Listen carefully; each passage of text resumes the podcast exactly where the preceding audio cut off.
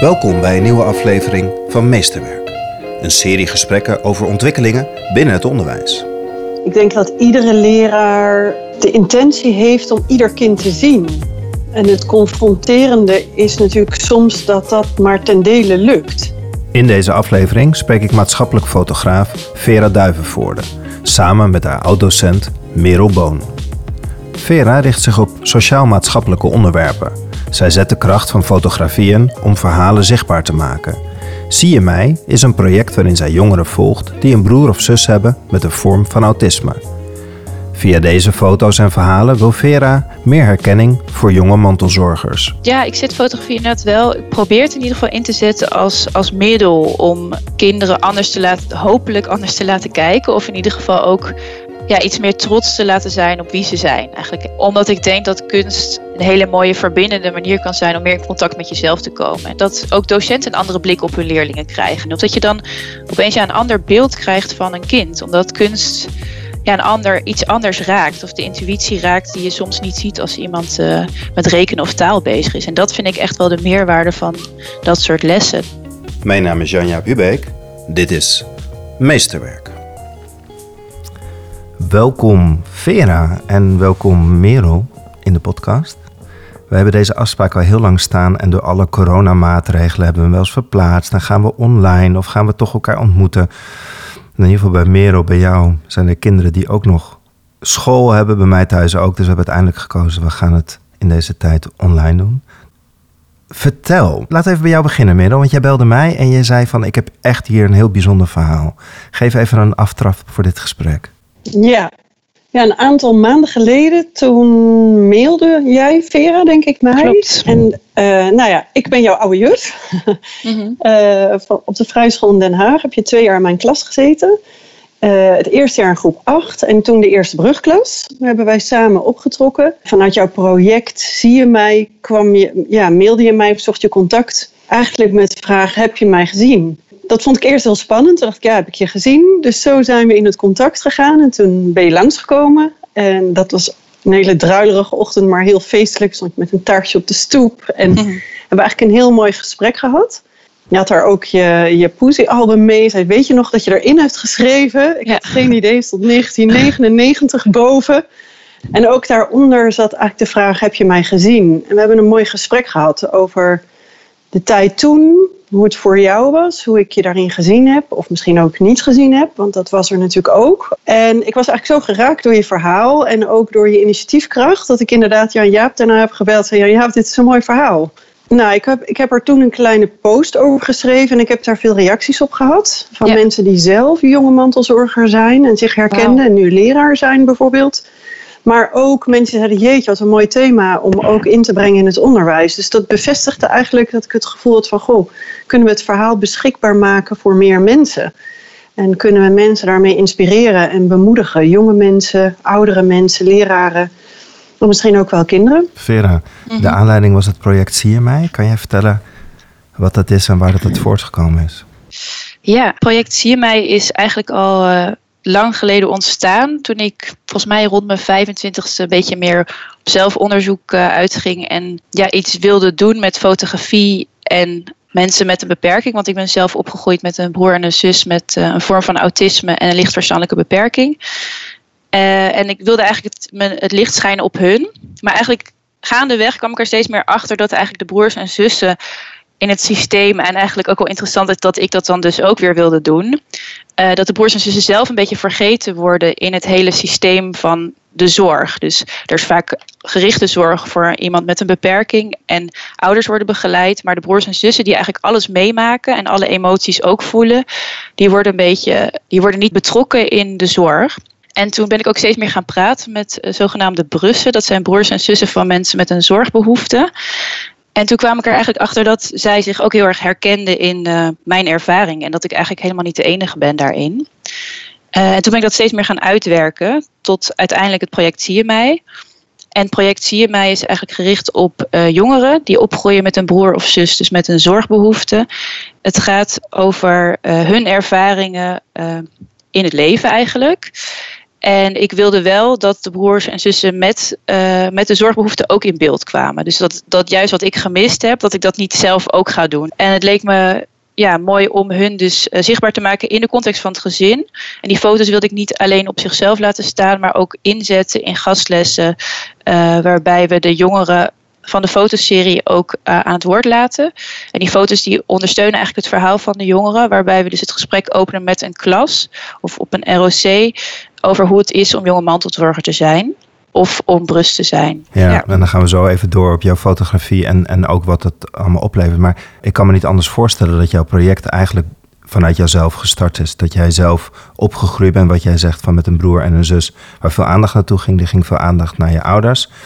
En, en daar dotterde jij als jong meisje tussendoor. Neem, neem mij even mee, wat, hoe is dat? Ja, hoe is dat? Ja, goede vraag. En ik denk dat eigenlijk dat wat interessant is natuurlijk aan kind zijn, is dat je niet beter weet. Dus je bent gewoon, uh, ik was gewoon Vera en ik uh, ging naar school en ik had mijn leven thuis. Maar, het was best wel heftig, omdat er thuis heel veel gebeurde. Er was altijd heel veel spanning thuis. En dan kom je naar school en dan heb je opeens een heel andere, ben andere versie van jezelf eigenlijk. Voelde je dat ehm, echt zo, dat je op school ontspannender was? In een interview in de, in de trouw las ik ook dat je dan het, het woord stress kwam ook een paar keer in voor. Ja. Was dat ook zo, dat er dus veel zorg en dat er veel gedaan moest worden wat, wat stress opleverde? Dat als je naar school ging, dat je ook een stuk ontspannender was? Ik weet niet of ik ontspannender was op school. Nou, ik denk wel ja, op basisschool wel. Middelbare school denk ik het lastiger vond om het uh, nou ja, allemaal te, al die, die, die werelden te verbinden, zeg maar. Of, of om daarmee te dealen. Maar ja, het was wel een totaal andere wereld. En ik denk wel dat Merel dat misschien herkent, dat ik denk wel heel erg een beetje de voorbeeldige leerling was, die, die niet zo opviel. Dus dan, dan was het ook voor de buitenwereld moeilijk te zien wat ik mee naar school nam, eigenlijk. En dat voorbeeldig zijn, zit dat in het feit dat er zoveel aandacht thuis naar andere dingen ging, dat je dacht van, oh ja, maar wacht, ik moet niet ook nog aandacht opvragen ja, met terugwerkende kracht denk ik dat soms wel. Maar ik denk dat ik dat op dat moment niet zo besefte. Maar ik weet nog wel dat ik wel eens bij een vriendinnetje was en dat hij dan uh, af en toe een beetje thuis een beetje gek gedrag vertonen. En dat die moeder dan zei: Ja, maar kijk dan naar Vera, dat, uh, die doet het uh, wel voorbeeldig. En eigenlijk is dat helemaal niet leuk om als kind te horen. Omdat eigenlijk lekker gek doen is ook gewoon kind zijn. Dus ik denk dat dat, dat gedrag, dat, dat ik dat met terugwerkende kracht denk: van ja, wat jammer eigenlijk dat ik niet wat meer rare dingen deed. maar ik denk dat het wel een soort van kopingsmechanisme is. En ook het niet willen belasten van je ouders en je omgeving, omdat ze het al, je ziet al dat ze het zwaar genoeg hebben thuis. Dus ik denk dat dat wel een rol heeft gespeeld in hoe ik me uitte. Als kind heb je daar, ben je daar natuurlijk niet zo bewust mee bezig. Dat, dat, dat ben je gewoon. hoe kijk jij naar terug? Kan je het je nog herinneren? Ja, ik kan me heel goed herinneren. Ja, zeker. We hebben er in het gesprek ook mooi op teruggekeken. Vera was inderdaad heel sociaal of heel, deed heel graag wat, wat er gedaan moest worden. En het was mijn start na de PABO. Dus ik was net mhm. afgestudeerd. En ik was 24 en ik startte een, een groep 8. Met ja, het was best wel een grote klas. En voor mij waren daar ook al een heel aantal leraren geweest. Dus ja, er was wel reuring. En, uh, ja, en ik stond daar net vers van de pabo. Uh, idealistisch. Ik ging starten en uh, met heel veel verschillende dynamieken in die klas. Dus dat Vera, dat je van Vera op aan kon en dat dat toch een beetje stiller, wat teruggetrokkener. Um, dat was op een bepaalde manier, ja, dat klinkt eigenlijk heel slecht, maar dat was ook heel fijn. Ja. Waardoor ze toen ze bij mij kwam dacht, ik dacht na aanleiding van haar vraag, jeetje, heb ik jou eigenlijk wel gezien? In die tijd, in die fase, met die klas. Misschien heb ik jou wel helemaal niet gezien. Wat erg. Stel je voor dat ik een kind niet gezien heb. Misschien ben ik wel degene die, net als veel andere leraren, zo'n mens juist achter de aangepastheid helemaal niet heeft gezien. En ik wist het echt niet meer voordat, voordat je kwam, Vera. Dus ik, ik voelde me ook een beetje, ik dacht, nou ja, ik ga gewoon met mijn billen bloot. ik, ga, ik zet mijn hart open voor het gesprek en ik ga kijken wat er komt. En tijdens het gesprek, en ook eigenlijk vanaf het begin, dacht ik, ja, ik heb je wel gezien. Ik heb jou gezien in mijn klas. Ja. En we hebben elkaar ontmoet. Dat geloof ik echt. Maar niet als jonge mantelzorger. En dat is natuurlijk wel een groot verschil. Dus we hebben daar een mooi gesprek ook over. Van ja, ik heb geloof ik me niet echt gerealiseerd wat ook op de schouders van Vera lag. Als ze niet op school was. En achteraf gezien denk ik, oh, daar had ik misschien ja, misschien had ik daar meer van willen weten om in de ontmoeting die we wel gehad hebben, ja, daar nog een iets andere verbinding te kunnen verzorgen. Vera, de, de, vraag, heb je mij gezien, is zo indringend. ja, eh, zeker. Sinds we deze afspraak hebben, ben ik ook de hele dag bezig met de vraag: zie je wel de persoon erachter? Het is een hele indringende vraag. Zeker. Neem mij eens mee in, in die vraag. En een niet vrijblijvende vraag, nee. vind ik het ook. En, en je stelt hem ook niet voor niks, want ben je gezien? En je bent ook teruggegaan naar, naar Merel om, om eigenlijk nog een keer die vraag voor te leggen. Ja. Neem mij eens mee in, dat indringende, in die indringende zoektocht toch ook? Ja, ja, het is dus ook helemaal niet bedoeld natuurlijk om. Uh, het is juist zelf inderdaad een soort onderzoek ook om. Ook voor mijn eigen project, om, om te zien hoe, hoe dat werkt in een systeem in een klas. Het is helemaal niet dat ik Merel uh, voor blok wilde zetten of zo. Want ik vond Merel een hele lieve juf. Laten we dat voorop stellen. Maar wel om te zien ook hoe voor mezelf en, en hoe dat gaat in een gezin. Wat aan het, een beetje aan het overleven is. Wat voelde jij je gezien in het onderwijs of door jouw leraren in jouw situatie? Nou, vooral op de middelbare school. Dat was, was, toen was het echt wel heftiger, want mijn broer is op zijn zeventiende ook uit huis geplaatst. Dat was echt heel heftig. En toen heb ik het gevoel, toen is er ook wel eens vanuit mijn ouders wat verteld aan docenten. En daar is toen niks mee gedaan. Uh, voor mijn gevoel. Misschien hebben ze intern het wel besproken, maar niet zodanig naar mij gecommuniceerd. Toen voelde ik me met terugwerkende kracht te weinig gezien in dat deel. Maar toen ik jong was, eigenlijk voelde ik me toen ook te weinig gezien. Maar ik vind het ook moeilijk om daar vinger op te leggen hoe dat anders had gekund. Want ik denk dat het was allemaal best wel laat op gang gekomen ook bij ons gezin wat er allemaal speelde. Dus eerst was het gewoon vooral veel stress. Dus maar ja, ik vond het wel, de terugwerkende kracht, wel jammer dat ook misschien dan uh, van mensen die het wel wisten, het niet, niet benoemd werd. Maar ik denk dat dat ook moeilijk is. Ik, bedoel, ik ben nu natuurlijk met heel veel mensen in gesprek daarover. Van hoe moet een buurman of buurvrouw of iemand dat benoemen op een manier die jou kan steunen. Als je je wel gezien voelde, waar zat dat dan, dan in? Goeie vraag. Ja, misschien vooral in vriendschappen of zo, in goede vriendschappen. Dat, dan vooral voor dit deel, hè. Maar dat ik wel één vriendin had waar ik dan heel veel mee deelde. Dat heb ik ook in dat artikel genoemd. En die was gewoon zonder oordeel. Dus tegen haar durfde ik ook te delen wat, uh, wat, ja, wat er thuis zich afspeelde. En later ben ik ook veel opener geworden en meer in gesprek gegaan met mensen over dit deel van mezelf en onze familie.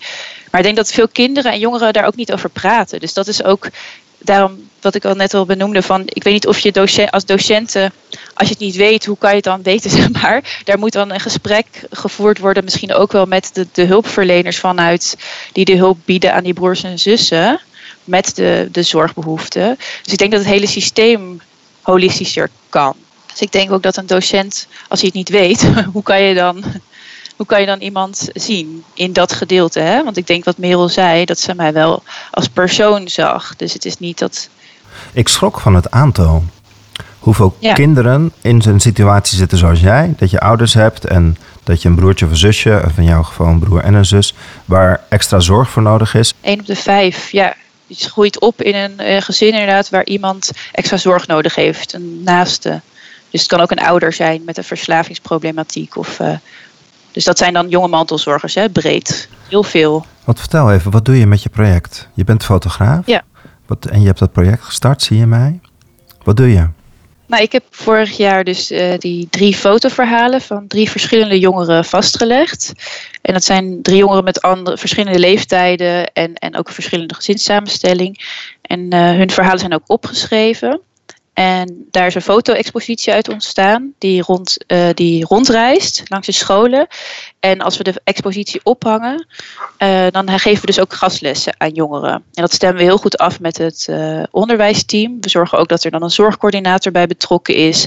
En dat intern dus ook leerlingen weten bij wie ze terecht kunnen nadat wij weg zijn. Zeg maar dat het niet een soort uh, los projectje is, een soort los zand van nou, we hebben ons project gedaan en we gaan weer. Maar dat er echt zorg is voor de kinderen die misschien later ook nog uh, uh, met iemand willen praten. En dan tijdens de gastlessen vertellen de jongeren eigenlijk via storytelling hun verhaal met de foto's die ik van ze gemaakt heb. Zodat de, de jongeren ook echt meegevoerd worden in hun leven. En daarna kunnen we ook uh, gaan we met ze in gesprek over hoe het is om jonge mantelzorger te zijn en hoe je ze ook herkent. En gaan we ook met de jongeren bespreken waar, je behoeft, waar ze behoefte aan zouden hebben. Of waar ze aan denken dat jonge mantelzorgers behoefte hebben. Want niet iedereen is natuurlijk mantelzorger. Ja, en dan gebeuren er hele bijzondere dingen, want er, er wordt heel veel gedeeld. Er, er komen heel veel emoties los in een klas. Ja, en, en eigenlijk vanuit dit project ben ik nu nog een vierde jongere aan het volgen, Hanan. En die, die voegen we ook toe aan het verhaal. En ik hoop in de toekomst dat we ook nog een boek uh, kunnen uitbrengen. En je zegt er komen bijzondere verhalen omhoog? Ja.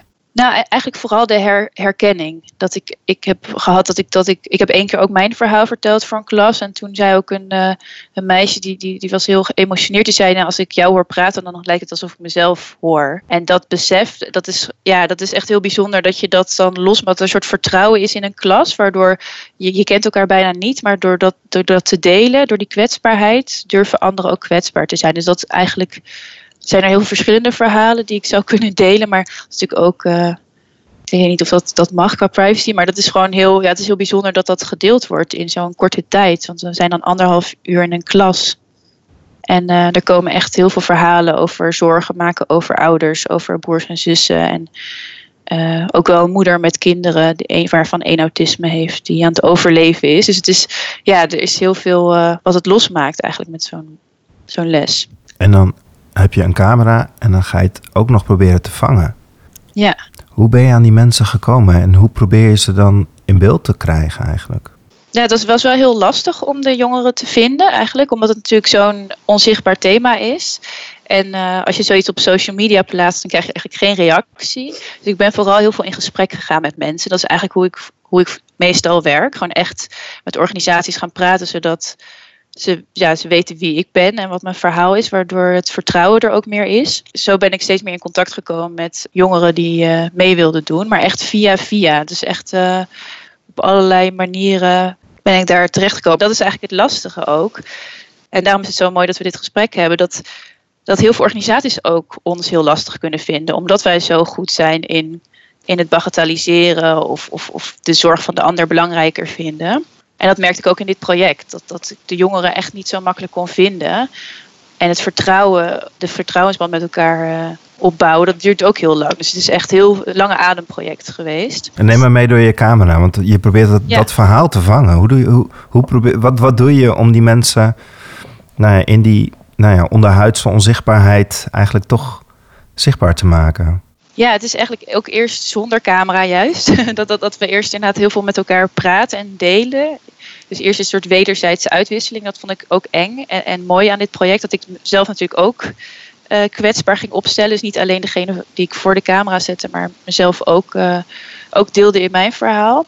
En ik denk misschien ook alleen daardoor dat het, dat het kon, dit project. Want het is zo, uh, ja, zo kwetsbaar. Ja, en toen gingen we eigenlijk delen en, en dan kwamen er heel veel verhalen naar boven. En gingen we kijken van, nou ja, hoe zouden we dit... Ik heb echt samen met de jongeren eigenlijk bedacht van... hoe kunnen we dit in beeld brengen en hoe kunnen we dit in bepaalde uh, thema's... Uh, onder bepaalde thema's scharen die belangrijk zijn in het opgroeien.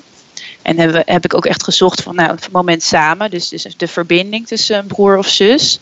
Maar ook, uh, ja, waar kom je tot rust? Uh, bijvoorbeeld uh, Jeltje die graag even op een bankje gaat zitten als het thuis even te veel wordt. En Julian die graag sport. En dat is ook een soort uitlaatklep. Dus zo heb ik ook met hun samen eigenlijk het onderzoek ben ik aangegaan van hoe, ja, wat zijn voor jou plekken waar je je fijn voelt. En en wat doe je met je vrienden? Wat, wat zijn je uitlaatkleppen? En hoe is jouw contact met je broer of zus?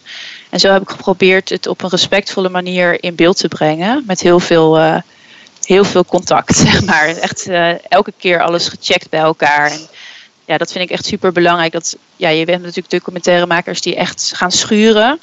Maar ik wilde wel echt dat, dat, ja, dat het klopte en dat zij zich daar ook lang onder voelde. En er, onder de verhalen zit ook wel heel veel, kan je ook wel heel veel lezen van wat er, ja, hoe dat is voor, voor de jongeren uit het project. Maar wel heel veel met respect en met, met eigenlijk een soort samenwerking. In plaats van uh, ik ben de fotograaf en ik kom langs en ik wil mijn foto's op die manier schieten. Omdat ik wil dat ik die reactie wil uitlokken. Wat ik daar wel heel mooi aan vind, is dat je eigenlijk ook zie je mij als methode. Dus je doet het en je hebt het erover. Dus in het zie je mij ben je onderweg in alle kleine details. Mm -hmm. uh, ben je samen aan het zoeken hoe gaan we jou zien op een foto. Ja. En krijgt eigenlijk die titel van zie je mij, die wordt gelaagd. Dat je achter de foto en achter de verhalen en achter de details alsmaar in het in lijn blijft met zie je mij. Heb je dingen gezien die je bij jezelf bijvoorbeeld helemaal niet waren opgevallen of zo? Die, die door die gesprekken of door die foto's uh, ineens, hey, zie je nieuwe dingen? Nou, nieuw misschien. Ik, zie misschien, krijg misschien juist meer inzichten of zo. Dat je Nee, dat ik, wat ik ook zie bijvoorbeeld, is wel het erover dat ik bijvoorbeeld heel voorbeeldig was. Er is ook een jongere, uh, Bieneke, die, die daar ook uh, open over praat. Die was juist heel druk aanwezig. Dus dat het ook niet één vorm is of zo, hoe jij je gedraagt in een klas of naar de buitenwereld toe. Dat was voor mij wel interessant om te horen. Hoe meer je met elkaar praat, hoe meer je ziet dat ja, iedereen heeft ook zijn eigen karakter en zijn eigen manier van uh, daarmee omgaan. Er luisteren veel leerkrachten. En, en, en uh, en ik ook, uh, Vera. Ik moet je eerlijk zeggen, van, ik was me er niet van bewust. Hè. Dus wat zou je de luisterende aankomende leerkracht of leerkracht willen, willen meegeven? Van, van hoe kunnen we dit zien, ook als we het niet weten of als we het een heel klein beetje weten? Wat, wat helpt?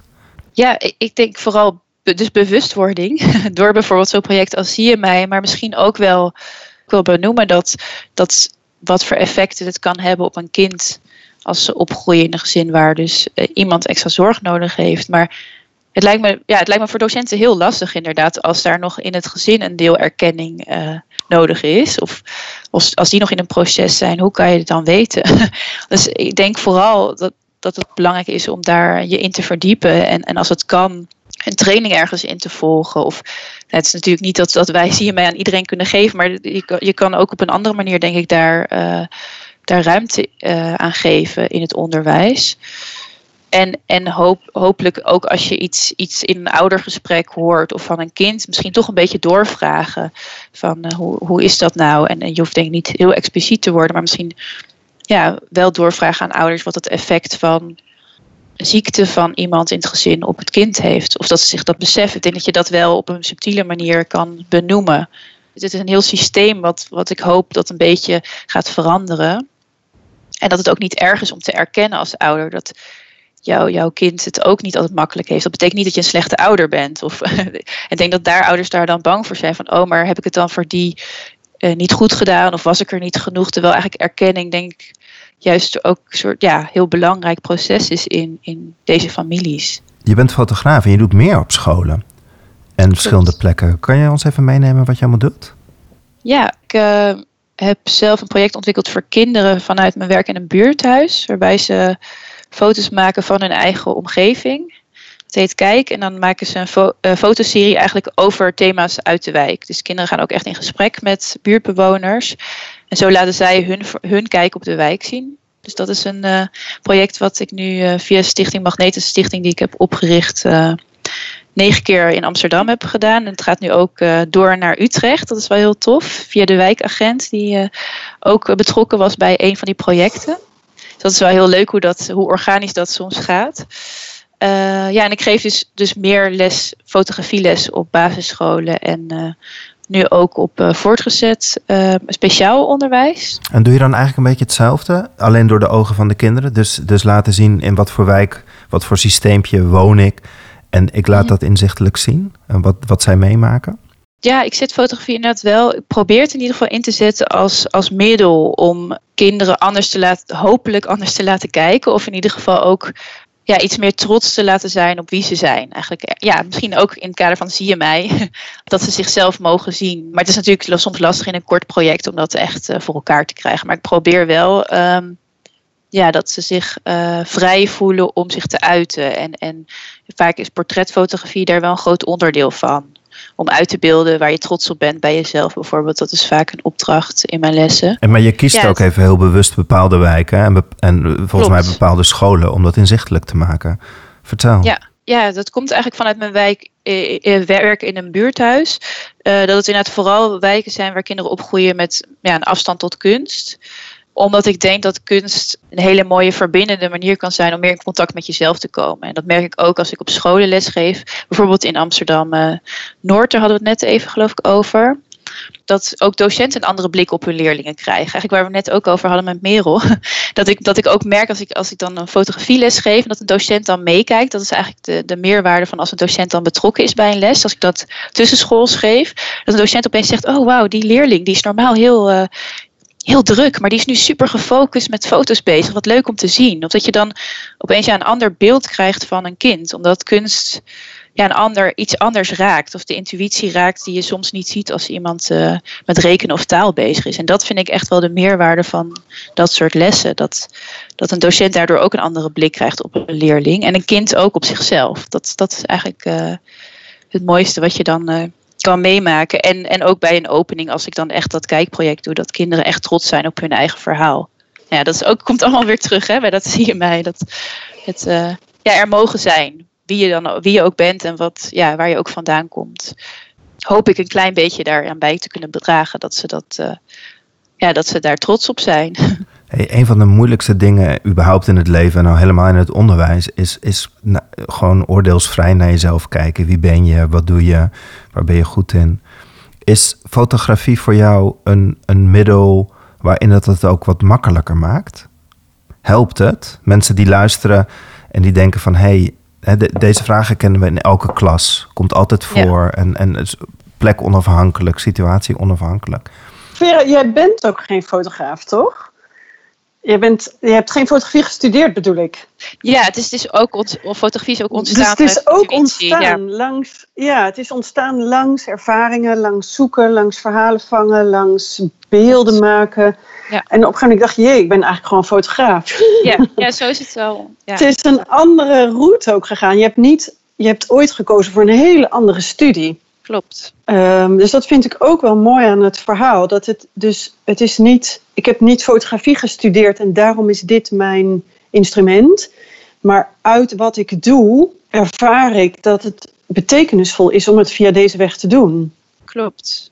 Ja, want ik kom inderdaad uit de wereld van, van de UVA, van de boeken, van de letters. En ik heb ja, het gevoel met wat, wat, wat voor mij belangrijk is, dat je mensen meer kan raken en meer los kan maken met inderdaad foto's van, van, van andere mensen of van, van andere werelden. Ik, heb het gevoel dat dat, dat dat, en dat dat ook in het onderwijs soms een ondergeschoven kindje is, zeg maar, dat, dat, dat beeldcultuur heel veel effect heeft op ons leven in alle opzichten. En dat ik denk dat dat, dat zou ook mooi zijn dat we daarin. Uh, nou ja, dat, we, dat we daar heel veel mee kunnen bereiken, maar dat, dat kinderen ook niet beseffen hoeveel ze beïnvloed worden door beelden.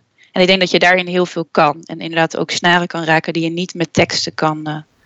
Ik, ben, ik ben heel benieuwd, want je bent op je 25ste, dus ben je, ben je dat project eigenlijk gestart waarin je, en je terug gaat kijken.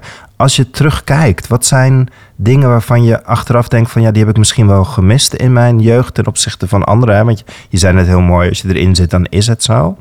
Maar ik ben dan ook benieuwd als je terugkijkt wat, wat het je gebracht heeft. Nou, het heeft me ook heel veel gebracht, inderdaad. We hadden het er net al over. Dus ik denk dat ik niet de fotograaf was geweest die ik nu ben. Met de blik hoe ik nu naar mensen kijk. Als ik dit niet, zeg maar, als ik niet in zo'n gezin was opgegroeid. Dus ik denk een soort open blik, niet oordelende blik of niet te veroordelende blik. Dus een soort open houding naar mensen toe. Ik denk dat me dat heel erg heeft gebracht. Open kijken naar, naar verschillende mensen. En, en verbindingen willen aangaan met mensen die ook anders zijn dan ik. Wat ik soms ook heel frustrerend vind van mensen die heel erg in een bubbel opgroeien. Dat je gewoon niet verder kijkt dan dat. Uh, en, en daarin hoop ik dus ook met mijn werk die, die verbindingen aan te gaan met maatschappelijke projecten. Dus ik denk dat het me dat echt heel erg heeft gebracht. Nou ja, meer mensen zien, zeg maar, die, die ook anders denken of zo dan ik zelf. En daar ook iets mee willen. Of die willen verbinden door beelden, maar ook door, door les te geven. Of... En wat heb je echt gemist, denk je? Nou ja, wel, wel dus de vraag van, van iemand. Het, is dus niet per se, ik hoeft ook niet per se een leerkracht te zijn hoor. Maar het zou ook een, een klasgenoot kunnen zijn van uh, ja, hoe is dat nou voor jou thuis? Of, uh, of wat, wat heb je nodig om uh, dat benoemen? Dat heb ik denk ik vooral gemist. En dan weten als kind dat, dat, dat het ook best een uitdaging is. En dat dat mag. Dat is denk ik het belangrijkste. wat ik hoop dat voor kinderen en jongeren van nu iets meer gezien wordt. Want als je dan 20 of 25 bent en dan beseft dat het eigenlijk dat je soms een beetje aan het overleven was, dat, dan is het eigenlijk jammer dat je daar op dat moment niet wat meer aandacht voor had kunnen hebben. Of, of wat meer liefde naar jezelf toe, zeg maar. Zelfcompassie over dat het, uh, dat het, niet, dat het toch wel een beetje bijzonder is uh, dat je doorgaat met alles. Hoe draag je dat met je mee? Dat, dat je broer, je zus, dat daar extra aandacht voor nodig is, dat het allemaal wat anders wellicht gaat. Je zei net, ik, ik durfde niet iedereen mee naar huis te nemen. Die ene vriendin dan wel. Dus je draagt heel veel onderhuids met je mee. Wat, wat draag je mee? Nou, ik merk dat ik heel vaak schuldgevoel heb. En dat is heel gek, want ik, ik ben er wel voor ze. Dat ik heel vaak het gevoel heb dat ik niet genoeg doe of zo. Terwijl ik juist, als mijn omgeving mij hoort, zegt... ja, maar je, je, ja, je bent wel altijd er voor, voor je familie. Uh, dus dat draag ik heel erg mee. Het gevoel dat ik niet genoeg doe, omdat er altijd zoveel aan de hand is. Er zijn, en ook denk ik wel spanning. Dat, dat, dat, en dat hoor ik ook wel veel bij... Uh, dus de broers, de brussen, de broers en zussen van. Ja, dat ik vaak ja, die spanning van vroeger toch wel met me meedraag. En dat je ja, toch altijd uh, heel veel met anderen bezig bent. Ik denk dat dat het voornaamste is. En wat, waar ben je dan de hele tijd mee bezig? Wat voor hulp is er nodig? Wat voor zorg is er nodig? Wat...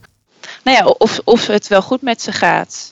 Ja, of ze, ze wel uh, lekker in hun vel zitten. En nu ook met corona merk ik ook wel dat die vereenzaming natuurlijk ook wel... Uh, als je minder naar buiten kan, dat er dan ook minder kan. Mijn zusje woont dan begeleid en mijn broer woont zelfstandig begeleid. En ja, er is wel begeleiding, maar ze, hebben niet heel veel uh, buiten hun, hun, begeleiding om qua vrienden. En, en dat heb ik dan wel, maar ik ja, maak me dan wel zorgen of ze zich. Ja, of dat genoeg is of zo. Ik denk dat het voornaamste is. Het is altijd aanwezig in mij. Als ik, het is niet dat ik, dat, het, dat ik elke dag langs ga, maar het is wel dat ik elke dag ermee bezig ben. Of uh, en ook met de toekomst, van hoe is dat dan als mijn ouders straks uh, hulp nodig hebben? Ben ik dan degene die, die uh, de gesprekken voert met hun begeleiding? Net zoals mijn moeder en mijn vader nu voornamelijk doen. Ja, dat je eigenlijk altijd wel niet, niet zo zorgeloos bent of zo. Ja. Is dat iets wat je herkent ook in de gesprekken, zo als je ja, op scholen of met, vanuit je fotoproject? Is dat ja. herkenbaar of verschijnen daar ook nog andere dingen in?